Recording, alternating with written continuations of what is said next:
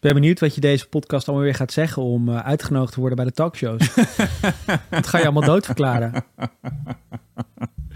ik las dat in het NRC. Dat jij Wat dat las jij in de NRC, Ernst? Nou, ik zag dat daar, ik zag dat daar de directeur van DPG, de persgroep. DPG heet dat bedrijf. Dat zeg ik. Je zegt toch WPG? Ik zeg DPG. Oké, het is ook verwarrend. Het heet allemaal hetzelfde. Het is helemaal ik, niet ik stel verwarrend. voor Het dat is we gewoon gewoon- iets mis met jouw gehoor. Ik stel voor dat we de persgroep zeggen. De persgroep. Ja, Erik Roddenhoff heet hij. Erik Rodderhoff, ja. En eh, heb je daar vroeger veel te maken mee Zeker. gehad bij Blendel? Zeker. Oké, dus je hebt een Mijn historie samen. was, ik mag Alexander graag. Dat ik is mag altijd het begin van iets heel naars.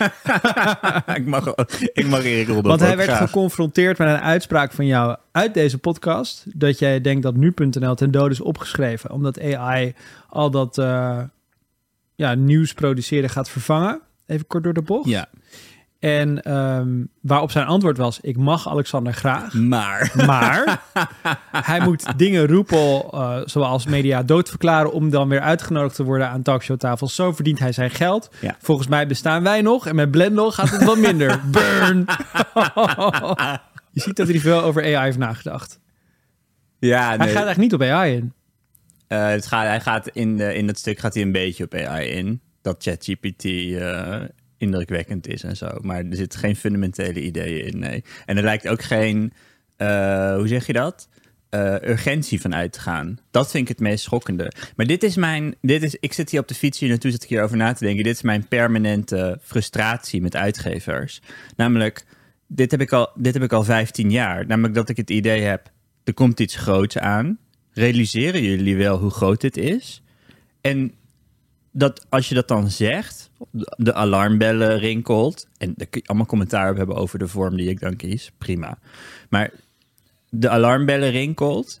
Dat dan de, reactie er één is vanuit onversneden arrogantie. Namelijk, jongman, even dimmen. Het, eh, zal, het zal wel eventjes duren. En dit is al sinds dat krantenapps soort van PDF-kranten waren waarbij je 3,50 euro moest betalen om een pdf van een krant te downloaden en dat je het nieuws niet ehm, online kon lezen überhaupt. Dat er een artikel, de, de beste artikelen niet op de website stonden. Ja, Gertjaap Hoepman, de hoofdredacteur van nu.nl, die een stukje schrijft op de site met de kop, dat vind ik trouwens ook mooi. De kop is Alexander Klupping zegt dat we kapot gaan, leven nu.nl. Lees ik op nu.nl. ik schrik me rot. Ik word toch dus ook gewoon wakker en open die site. En dan moet ik dit zien. Nou, is een beetje koket. Wat? Dus je, je doet het er toch om. Dit is toch je werk. Dingen roepen over media en wordt er gereageerd. Ja, nee, ja, god. Ik, ik vind nogal een verschil. Jongens, iets in niet deze, Alexander in de kop zetten. Die wordt ook gewoon wakker hoor. in deze marginale podcast roepen en mij dan op een site zetten waar een miljoen een mensen kijken, vind ik nogal een verschil. Nee. Ja, god, nou, inderdaad. Ik moet er niet over klagen. Maar dan, de reactie is gewoon defensief. Is namelijk gemeen plaatsen over de waarde van journalistiek. En fake news bestrijden is heel belangrijk hoor.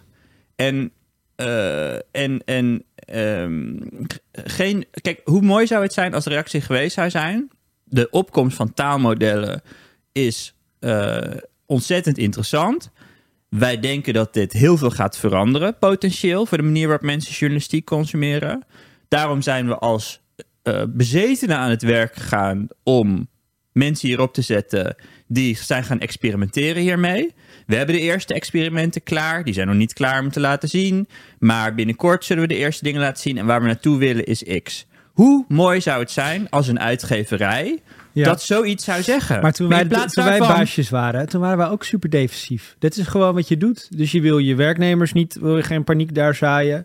Uh, als, als de hoofdredacteur of directeur dit zou zeggen, zou meteen de NVJ in de pen klimmen om de, de belangenorganisatie. Oh, jullie gaan niet journalisten vervangen en uh, Ja, of uh, AI is copyright schending. Dus er lopen waarschijnlijk allemaal zaken die ze aan het voorbereiden zijn om Ja, het een en ander aan te klagen. ja. Dus als zij dan zo'n reactie geven, dan maait het gras voor hun Ik hoop het weg. van harte dat die reacties, die defensieve reacties, niet zijn bij de gratie van het zal mijn tijd wel duren. Nu.nl is heel belangrijk. Ze roepen, want dat is, dat is een beetje de toon van Erik Rodolf.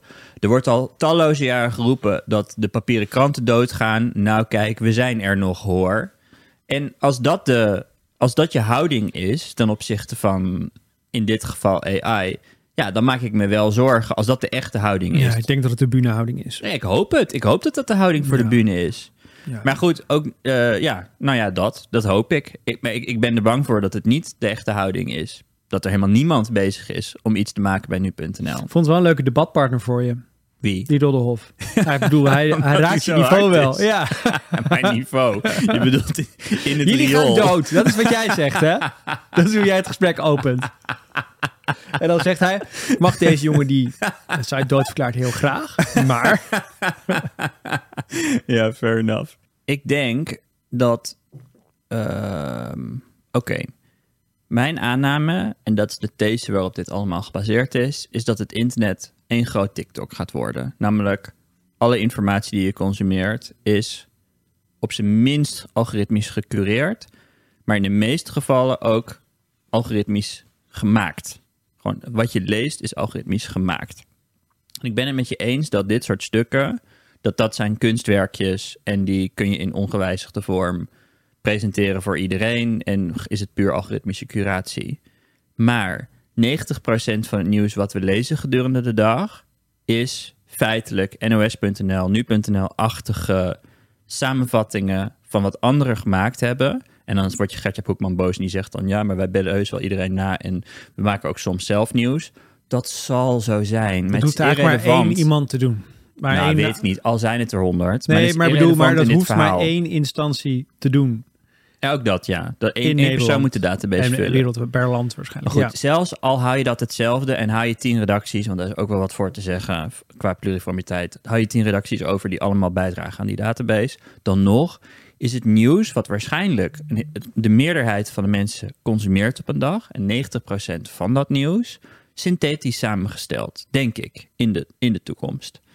Als, dat, als je dat aanneemt dat dat zo is, en ik snap dat dit een aanname is waarbij je ook kan, ook kan zeggen: het zal allemaal meevallen. Mensen willen blijven lezen bij merken. En eh, nou ja, in die zin blijven er gewoon websites waaronder onder het kopje de Volkskrant het nieuws blijft lezen. Het zou kunnen dat dat zo is. Maar ik denk dat je rekening moet houden met een mogelijkheid dat een platform als TikTok de intermediary is voor het cureren van dat nieuws. En als dat zo is, is het irrelevant of irrelevanteur geworden. Dat je op de website bent van die bron. ja, TikTok of een heel groot taalmodel. Zoals kan van een alles Bing, zijn. een Google. Iets waar je tegen het, het merk waar je hebt besloten tegen aan te praten. En dat is het gekke van deze tijd. We hebben geen idee op welk niveau dit gaat zitten. Gaat dit zitten op het niveau van het operating systeem? Gaat dit niet zitten op het niveau van je browser? Gaat dit zitten op het niveau van een social media netwerk of een chat app? Weet ik veel waar dit in gaat zitten. Maar ik denk dat. Ik denk dat. Ik, mijn aanname is dat het eh algoritmisch gecreëerd en synthetisch samengesteld gaat zijn. Nou, als dat zo is, als je dan kijkt naar wat is nu.nl, nu.nl is niet eh, een soort van diepgravende journalistiek. Hoe graag Gertjaap Hoekman het punt ook wil maken dat nu.nl veel toevoegt aan journalistiek. Ik ben benieuwd als je een optelsom maakt van alle artikelen die nu.nl op een dag publiceert. Ik ben oprecht benieuwd hoeveel procent daarvan is echt extra informatie die, eh, die niet al samengesteld is door andere persbureaus of door eh, andere bronnen die ze hebben geraadpleegd. Hoe ver is het nou echt? En niet nagebeld, maar echt nieuwe informatie. Ik denk dat nu. Punt, ik denk wat daaruit zou komen, is mijn aanname, is dat nu.nl daar niet superveel in toevoegt. Ben benieuwd naar het percentage. En dat is niet erg. Ik wil me niet zeggen dat dit erg van nu.nl biedt superveel toegevoegde waarde voor mensen door het overzicht te scheppen. Dat is toegevoegde waarde. En dat is oké. Eh, weet je, afgezien van het idee of het nou een knipseldienst is of dat ze anderen overschrijven, dan, ik, ik vind het niet eens een interessante discussie. Het gaat erom hoe vervangbaar is die rol van het bieden van het overzicht en het maken van kortere artikelen vanuit soort van de wereld van, van informatie. Ik denk dat een taalmodel veel beter in die basale behoeften die mensen hebben als ze nu.nl bezoeken, kan vervullen dan dat een redactie dat nu kan. Omdat Ja, ze kunnen maar dat personaliseren. punt had je al gemaakt, toch? Maar dat, daar wordt, dat punt wordt niet op gereageerd. En dan denk Nee, ik ik denk dus... dat je daarvoor mee in de kroeg moet gaan zitten. Waarom? dan- het gaat toch over belangrijke Omdat ze zaken? dan, kijk, jij kan vrij uitspreken vanaf deze bank. Ja, Je hebt geen enkel belang. ja. Maar zij niet. Zij niet. Zo eenvoudig is het. Oké. Dus ga Oké, lekker in de Ernst. kroeg. En heeft, maar ik weet niet, eh, misschien even zeggen dat je Gert-Jaap en eh, Erik mag. Dat heb ik je nog niet horen Ik zeggen. mag jullie heel graag. Listen to the full episode episode of Pom on Podimo from Denmark.